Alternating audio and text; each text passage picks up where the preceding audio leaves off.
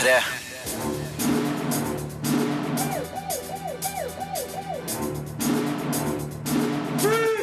Filmpolitiet! What's your name, dude? Eh, Birger Vestmo.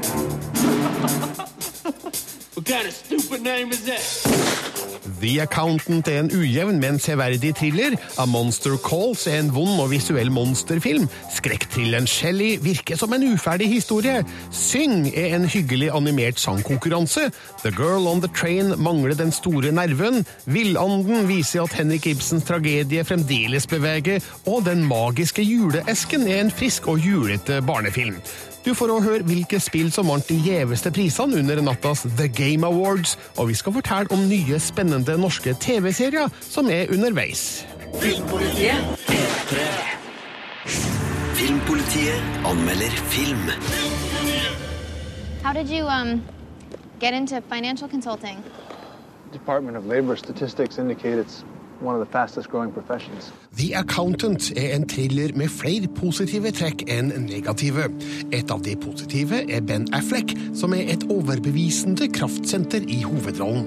Et av de negative er Anna Kendrick, som bommer tonalt på rollen sin. Samspillet mellom Affleck og Kendrick mangler og kjemien som behøves for at historiens videre utvikling skal virke troverdig. Det er flere elementer i Bill Dubukes manus som er avhengig av litt for mange fantastiske sammentreff for å fungere optimalt. Regissør Gavin O'Connor gjør det heldigvis godt i filmens thrillersekvenser, som er treffsikre og bombastiske, bokstavelig talt. Derfor blir The Accountant likevel en underholdende thriller med noen uventa vendinger som hever filmopplevelsen. Who is Christian Wolf? The accountant. Revisoren Christian Wolff, spilt av Ben Affleck, blir hyra av milliardæren Lamar, spilt av John Lithgow, til å gjennomgå regnskapet i selskapet hans for å finne ut hvor det har blitt av et stort pengebeløp. Han får hjelp av Dana, spilt av Anna Kendrick, men noen vil legge lokk på saken, og de blir angrepet av flere leiemordere under ledelse av Brax, spilt av John Bernthal. Det viser seg at Wolf er fullt kapabel til å yte motstand. Han er nemlig en helt spesiell revisor, vant til å hanskes med kriminelle. Why would your clients follow you? You're an accountant. Figurens autisme blir lite annet enn et ekstra personlighetstrekk som kan virke overflødig, men gir Affleck litt mer å spille på. Han presterer avmålt og beherska, sjøl i actionscener der adrenalinet flyter. Det er vær med hans motspiller gjennom store deler av filmen, Anna Kendrick. I The Accountant virker hun rett og slett feil i rollen. 31-åringen spiller Dana som om hun er en naiv tenåring, og det er rett og slett ikke troverdig. Dad's taste ran more to dogs playing poker. Like. The Accountant er best i scenene der Wolf er alene med sine demoner, der Affleck får vist litt av sitt potensial som skuespiller. Jeg liker òg actionsekvensene, der Wolf benytter seg av sin våpenekspertise. Der fyller regissør Gavin O'Connor lerretet med effektiv spenning med høyt trykk, filma med mørke og røffe bilder av Shamus McGarvey, en av det siste tiårets dyktigste fotografer. The Accountant er ingen fulltreffer, med litt ujevn kvalitet på manus og skuespill, men når den treffer, er det her en tøff thriller med noen S i ermet som gjør filmen severdig. I retire in seven months. Before I do, I need to know who he is. How he does it. I mean, who survives this kind of clientele? The secrets this guy has. Terningkast fire Filmpolitiet. på P3. Her skal en ny premierefilm under lupen. A Monster Calls kombinerer et gedigent eh, tremonster og en sår fortelling om kampen mot kreftsykdom. Den er basert på barneboka, som på norsk heter Monsteret kommer, fra 2011, og har stjerna som Liam Neeson og Sigourney Weaver på plakaten. Sigurd Vik har sett filmen. Filmpolitiet anmelder film. How does the story begin? It begins with you. A Monster Calls er en visuelt kreativ film som kombinerer animasjon, fantasy og gråbritisk realisme i en sår fortelling om tap og skyldfølelse. Filmen er basert på Patrick Ness si bok fra 2011 om en gutt som får besøk av et monster da mora blir kreftsyk. Regissør J.A. Boyana har laga et velkomponert univers hvor fantasi og virkelighet går hånd i hånd, men til tross for kraftige anstrengelser for å gi publikum konstant klump i halsen, så blir A Monster Calls en reservert film som ikke kommer under huden på meg. I'm sorry you have to face this, but you have to be brave. Do you understand? Connor, spilt av Louis McDougall, opplever en stor tragedie. Moras kamp mot døden legger ei klam hånd over guttens eksistens. Det er en ensom eksistens. Faren bor med ny familie i USA, bestemor er en pragmatisk eldre dame, og skolekameratene er plageånder. En natt blir han oppsøkt av et monster, voisa av Liam Neeson, som tilbyr sin hjelp i form av tre historier. I bytte må Connor fortelle monsteret sannheten om marerittene han stadig har. Everything about you. The truth that you hide. The truth you dream. Louis McDougall bærer mye av filmen på sine unge skuldre. Han gjør en grei jobb, men kommer aldri ut av en tilbakeholden mimikk som holder seg statisk gjennom både fantasiverden, hans håp og hans sorger.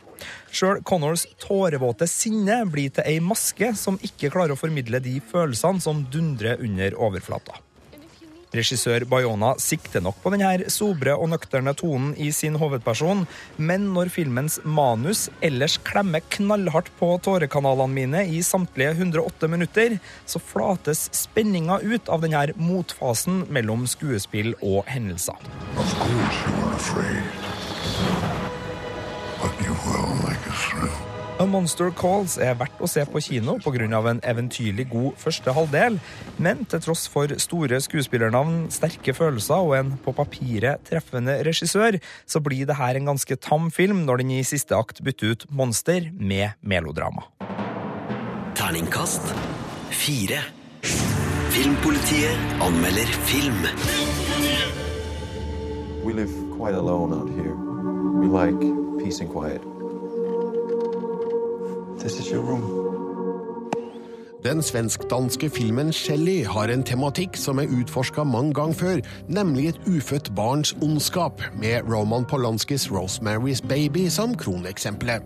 Regissør Ali Abbasi viser at han kan noen triks, spesielt når det gjelder å skape urovekkende atmosfære, men det skjer litt for lite i det som virker som en uferdig historie. Ellen Dorrit Petersen spiller godt i en rolle som dessverre ikke er 100% gjennomført skrevet. Derfor blir Shelly en overnaturlig thriller som viser lovende takter, uten å overbevise helt. You have a big house. You have time. You have money. Why don't you have any kids? We can't. Rumenske Elena, spilt av Cosmina Stratan, kommer til et avsidesliggende hus på landet for å være huspike for Louise, spilt av Ellen Dorrit Petersen, og Kasper, spilt av Peter Christoffersen. Ekteparet har mislyktes flere ganger med å få barn, og Elena sier seg villig til å være surrogatmor mot en stor pengesum.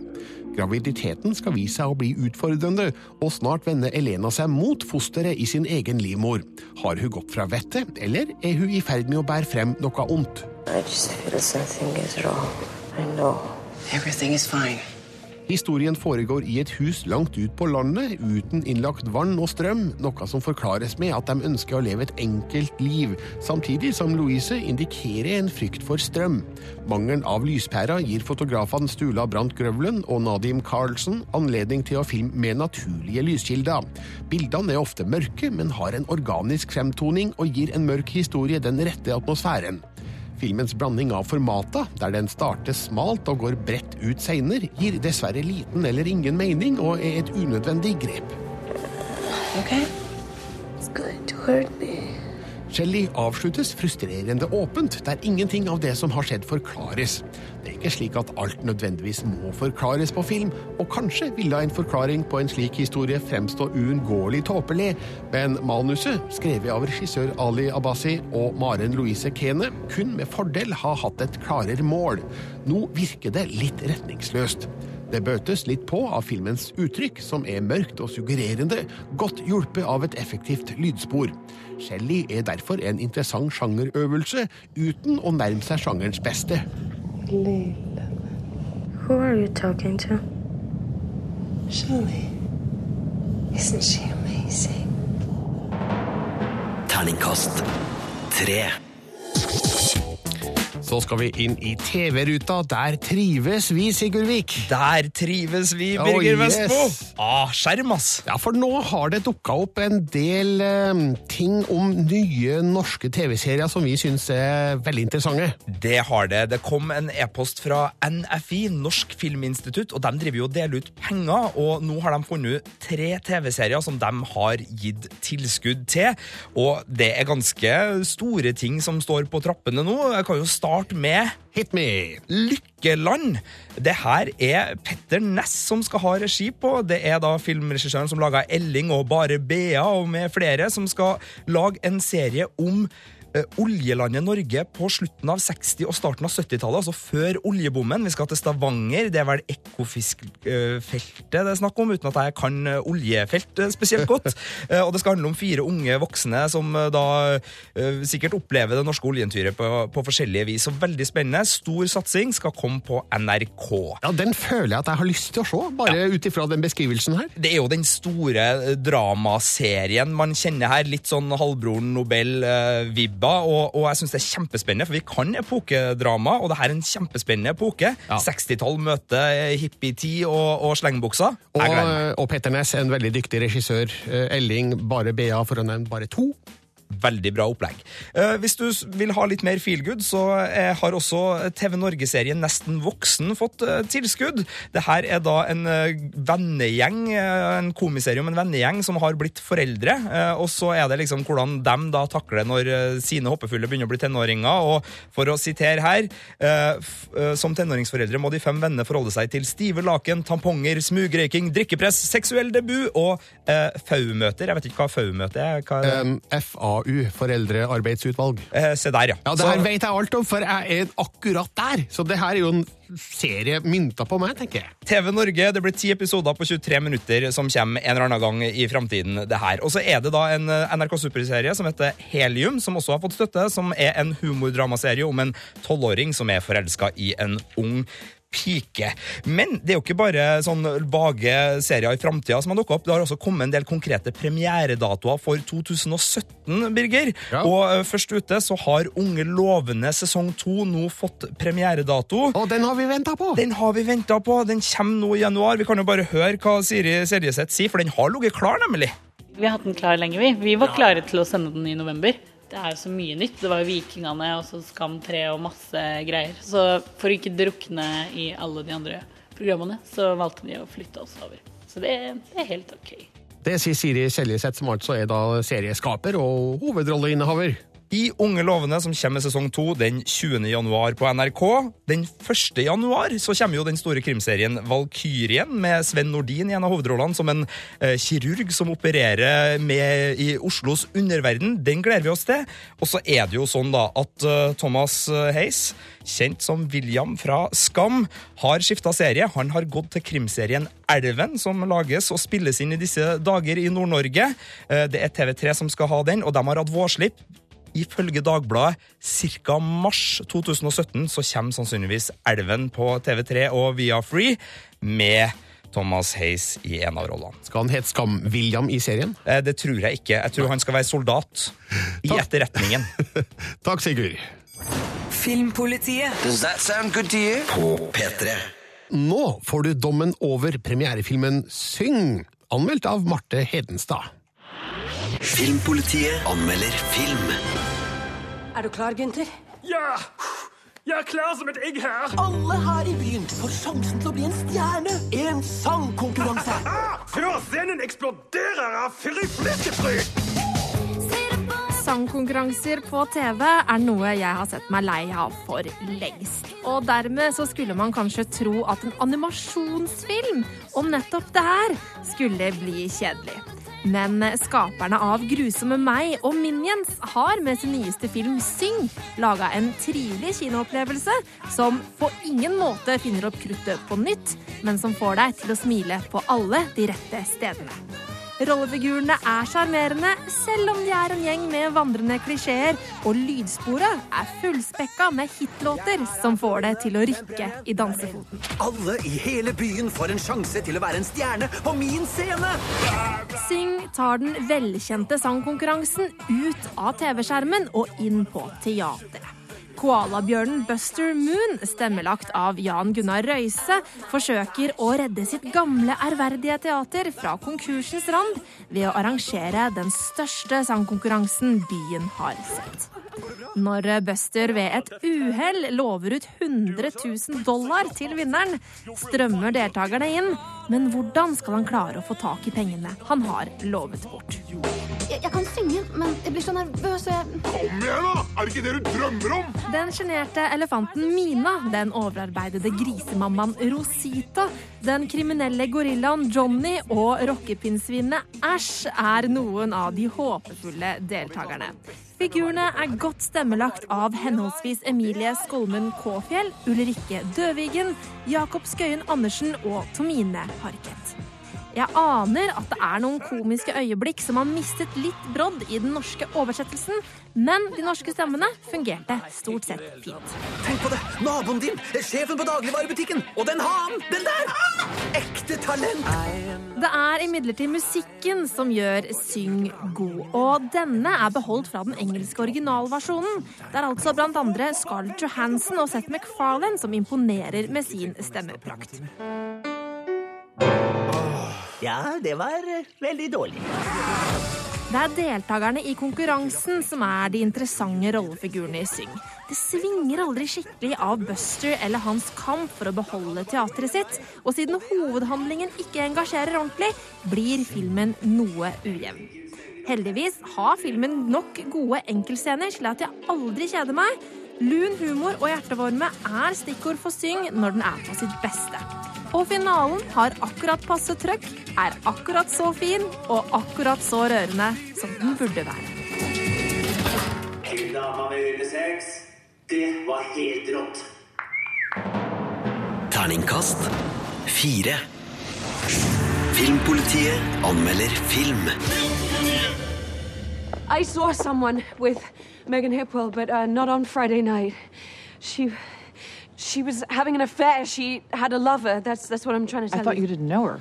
The Girl on the Train er en kald, liten thriller basert på en roman av Paula Hawkins.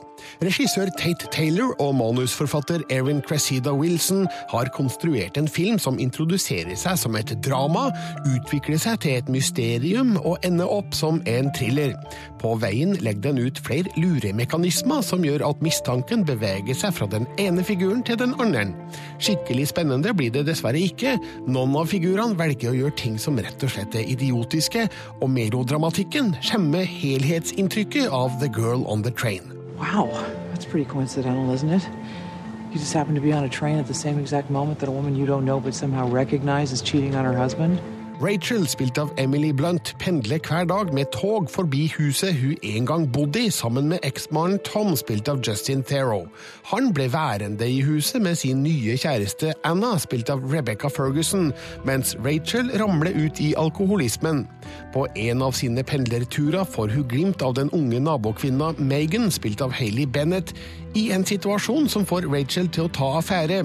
Dessverre er hun sterkt berusa, og neste morgen husker hun lite om hva som skjedde. Your your your wife hit me on Friday night. What are you talking about? Yes, yes, yes, you did. Yes, you did. And then she, and then she she she she got in your car. Det er sjølsagt mer ved historien enn det som avsløres her.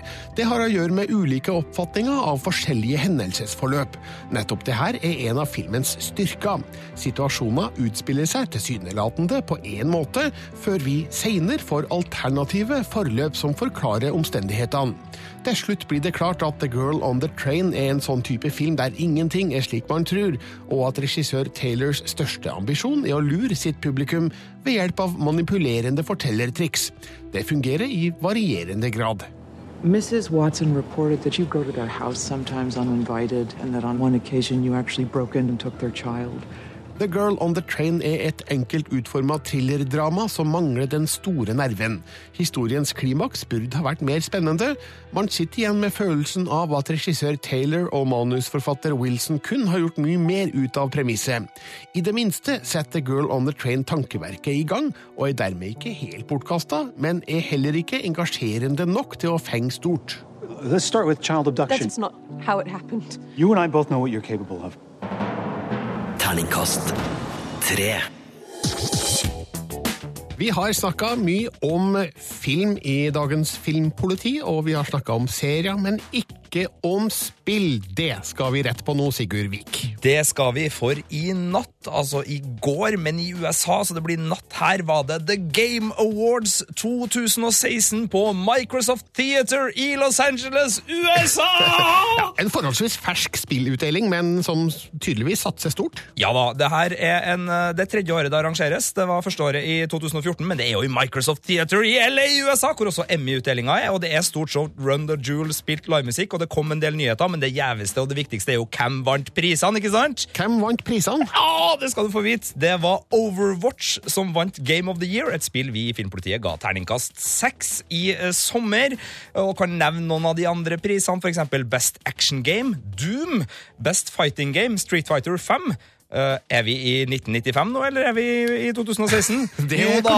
Dishonored 2 fikk for beste adventure game, osv. osv. Det er bare å gå inn og sjekke. Det er masse priser som var delt ut, og så var det også en ærespris. Altså en pris som heter Industry Icon Award, og den gikk til japanske Hideo Kojima, kjent fra Metal Gear-serien, som fikk den. Og det kom også litt nyheter om han, for han driver og utvikler et eh, spill sammen med gjengen sin som heter Death Stranding, som skal komme en gang i framtida. Ny trailer ble vist, og der fikk man se Mats Mikkelsen, vår danske venn, som antagonist. Ganske rar trailer, ganske spesi spill, men uh, veldig artig. Og det er også noen Walking Dead-skuespillere med der, så det ser veldig lovende ut. Og så kom det en gladnyhet, Birger. Ja. Guardians of the Galaxy blir spill. Det kommer ny Guardians of the Galaxy-film neste år, men Alright. det kommer også et spill. Det er Telltale Games som skal utvikle det her. Teaseren er bare en Walkman som flyr gjennom rommet. Kan jo bare anta at den tilhører vår kjære venn, eh, spilt av Chris Pratt eh, i filmen. Litt urovekkende at den Walkman flyter i verdensrommet, kanskje? Ja, og enda mer urovekkende for meg at den spiller Dancing in the Moonlight, som ikke er akkurat min favorittlåt, men allikevel ganske fengende. Men det har vel ikke skjedd noe mer dramatisk enn at man kan spille seg inn og lykkes, regner jeg med. Det kommer neste år og blir et eventyrspill. Eh, litt eh, dårlige vibber når det gjelder spill basert på film. Eh, det har jo ikke akkurat vært eh, den eh, beste eh, opplevelsen man kan få. Nei, men det har vært mye bra, da. Batman og sånn. Jo, jo, jo. jo. Vi må ha trua, Birger. Ja, det er viktig å ha trua. Og det er Telltale Games som lager det, sa du? Altså, Ja. det, det er ikke et Lego Nei da, det, Galaxy-spill? det her blir ikke Lego. Det er vel, jeg vet ikke om det De har jo også Game of Thrones, de har jo gjort mye, men, men det her blir vel Det så veldig ut som filmen. Det så ut som Marvel Cinematic Universe i spilleversjon. Sigurd Vik er her fremdeles, og nå skal det handle om eh, serier, og først serier på nett, Sigurd. Ja, fordi eh, strømmetjenesten ved det gode navn Netflix har gjort en liten oppdatering, så nå står jeg med telefonen min her, Birger, og surfer gjennom tilbudet som ligger under fanen kan lastes ned Hooray! på Netflix. For nå kan man da, det her kom denne uka, gå offline og se uh, serier sjøl om man ikke har internett. Så hvis man f.eks. er på en togtur eller en flytur eller en eller annen annen tur, eller rett og slett bare på hytta, og ikke har internettilgang, så kan man da se ikke absolutt alt som ligger på Netflix, men man kan se et utvalg. Da må man jo selvfølgelig laste ned på forhånd, og så kan man da ha det litt sånn som på Spotify, hvor du kan velge å ha album offline også. Og vi anbefaler alle aktører til å gjøre det samme. Vi er jo glad i praktiske ting. Vi, vi, vi vil jo ha det sånn. Og det er ikke alt, som sagt, men det er masse av signaturseriene til Netflix. her ser jeg. Og noen filmer. Elf, for eksempel, med Will Ferrell. Julefilm. Nydelig. Ligger jo her, Birger! Ja! Sons of Anarchy er en serie jeg dessverre aldri har kommet i gang med, og jeg skjønner at jeg har gått glipp av noe stort, og nå går jeg glipp av mer. Ja, det er sannsynlig at du går glipp av mer. Dette er en bikerserie som Tura gikk. Jeg tror det ble sju sesonger til slutt. Eh, Personlig så var jeg glad i de første, og så ble det litt sånn såpete og klissete, men det var da en MC-gjeng man fulgte, Samcrow MC, som hadde fiender og interne stridigheter og mye dramatikk, laga av Kurt Sutter fra The Shield, som slutta med uh, Samcrow-gjengen da, og, og runda av den serien, og så gikk han videre på noe som het Bastard Executioner. Den fikk terningkast to av oss når den kom i fjor, og er nå kansellert. Og da har jo Kurt tid til å lage denne spin-off-serien til Sons of Anarchy vi har hørt så mye om. Den er nå bekrefta. Det er bestilt en pilot til FX, som er en kjempefin eh, nettverk som lager masse gode serier, og den skal spilles inn i mars. Og det her blir en serie som skal foregå etter Sons of Anarchy, og tas for seg Mayans-klubben. For dem som har sett serien, så er det da en rivaliserende MC-gjeng. Så det er dem som skal Og det skal foregå på grensa mellom California og Mexico, tror jeg, hvis jeg husker rett her, sånn cirka. Så ny MC-serie for dem som virkelig har savna Sons of Anarchy. Personlig så eh, skal jeg vente og se om den er virkelig god før jeg abonnerer på den. En eh, trist nyhet til slutt. Andrew Sachs er død, 86 år gammel, og du spør deg kanskje hvem er, eller var Andrew Sachs? Jo, han er mest kjent for å spille kelneren Manuel i Hotell i særklasse, altså Faulty Towers, her i en eh, liten scene mot John Cleese. Oh, your horse, it win, it Shh, Manuel, you know nothing about the horse. I know nothing about the horse. Which horse? Jeg har hele Faulty Towers på DVD, faktisk, så jeg tror jeg må sette på det nå i helga. Låne den, ja, når du er ferdig. Etterpå, på mandag morgen. Filmpolitiet anmelder film. What's it been? 15, 16 years? Den australske filmen The Daughter heter Villanden i Norge, fordi filmen er inspirert av Henrik Ibsens skuespill fra 1884. Regissør og manusforfatter Simon Stone forteller en nåtidshistorie innenfor Ibsens rammeverk, der gamle hemmeligheter står i fare for å ødelegge både vennskap og familieforhold. Her blir det tragedie og tristesse nok til all, av og til med et litt såpedramatisk preg, men skuespillerne er sterke, og de beste scenene har en intensitet som gjør Villanden til et bevegende drama. Dad, why have I never met Christian before? He just left town after his mum died, and I didn't hear from him. Historien er altså fritt tolka etter Ibsens stykke, men er fremdeles gjenkjennelig. Etter flere år utenlands kommer Christian, spilt av Paul Schneider, hjem til en liten by i Australia når hans rike far, spilt av Jeffrey Rush, skal gifte seg. Der gjenforenes han med ungdomskameraten Oliver, spilt av Ewan Leslie, som lever lykkelig med kona Charlotte, spilt av Miranda Otto, og dattera Hedvig, spilt av Odessa Young. Christian er bitter på faren pga. moras selvmord flere år tidligere, og når han oppdager ødeleggende hemmeligheter som involverer både familie og venner, føler han seg kalla til å røpe dem. He deserves to know. Mens Ibsens skuespill blanda komiske elementer inn i tragedien, er det ikke mye morsomt å hente i Simon Stones film. Her handler det om å få dype livsløgner avslørt, med alvorlige og tåredryppende konsekvenser. Hvorfor Christian føler et behov for å være budbringeren av uønska budskap, er litt uklart. Filmen får det til å virke som han rett og slett vil hevne seg på sin egen far, samtidig som Christian muligens ubevisst ønsker å ødelegge sin kamerats lykke, vel vitende om at hans eget kjærlighetsliv ligger i ruiner. Christian knows, doesn't he? Tematisk er filmen tro mot Ibsens skuespill når den spør om mennesker får det bedre eller verre av å vite sannheten. Svaret virker å være ganske klart i denne filmatiseringa, sjøl om avslutninga er litt åpnere enn i Ibsens skuespill. Barn sitter likevel lettere rysta under rulleteksten. Tragedien beveger, takka være sterkt skuespill og en gjennomført dramaturgi med sikker regi. Simon Stone debuterer som filmregissør, men har lang fartstid fra teater, og satt opp Villanden i Sydney så sent som i 2011. Kanskje er det derfor deler av filmen har et litt teatralsk preg, men det er ikke negativt ment.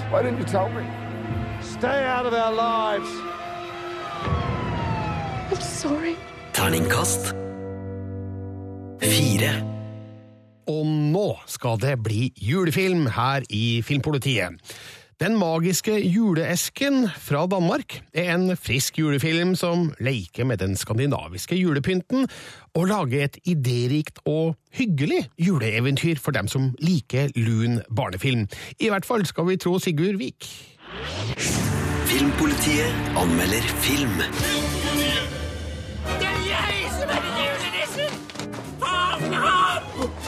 Den magiske juleesken er en lun og humørfylt animasjonsfilm fra Danmark som er godt egnet til å gi litt julespenning til de minste barna. Skandinaviske juletradisjoner med stråbukker, smånisser og ikoniske situasjoner fra kjente julesanger er kløktig plassert inn i historien og setter en lokal julesmak som vil treffe også i norske hjem. Eventyret er litt traust i handlinga og tyr til noen unødige snarveier i plottet, men flotte kulisser og en del morsomme formgrep gjør at dette blir en film som føles frisk i den ganske så opptråkka julebarnefilmsjangeren.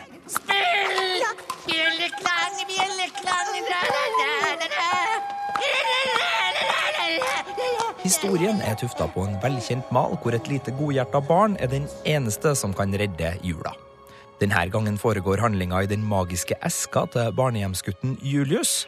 Der har julenissen blitt avsatt av den slemme Krampus, som er en real juledjevel som plager smånissene og vil gi alle barna kull i julegave. Det er julaften, det vet dere, sant?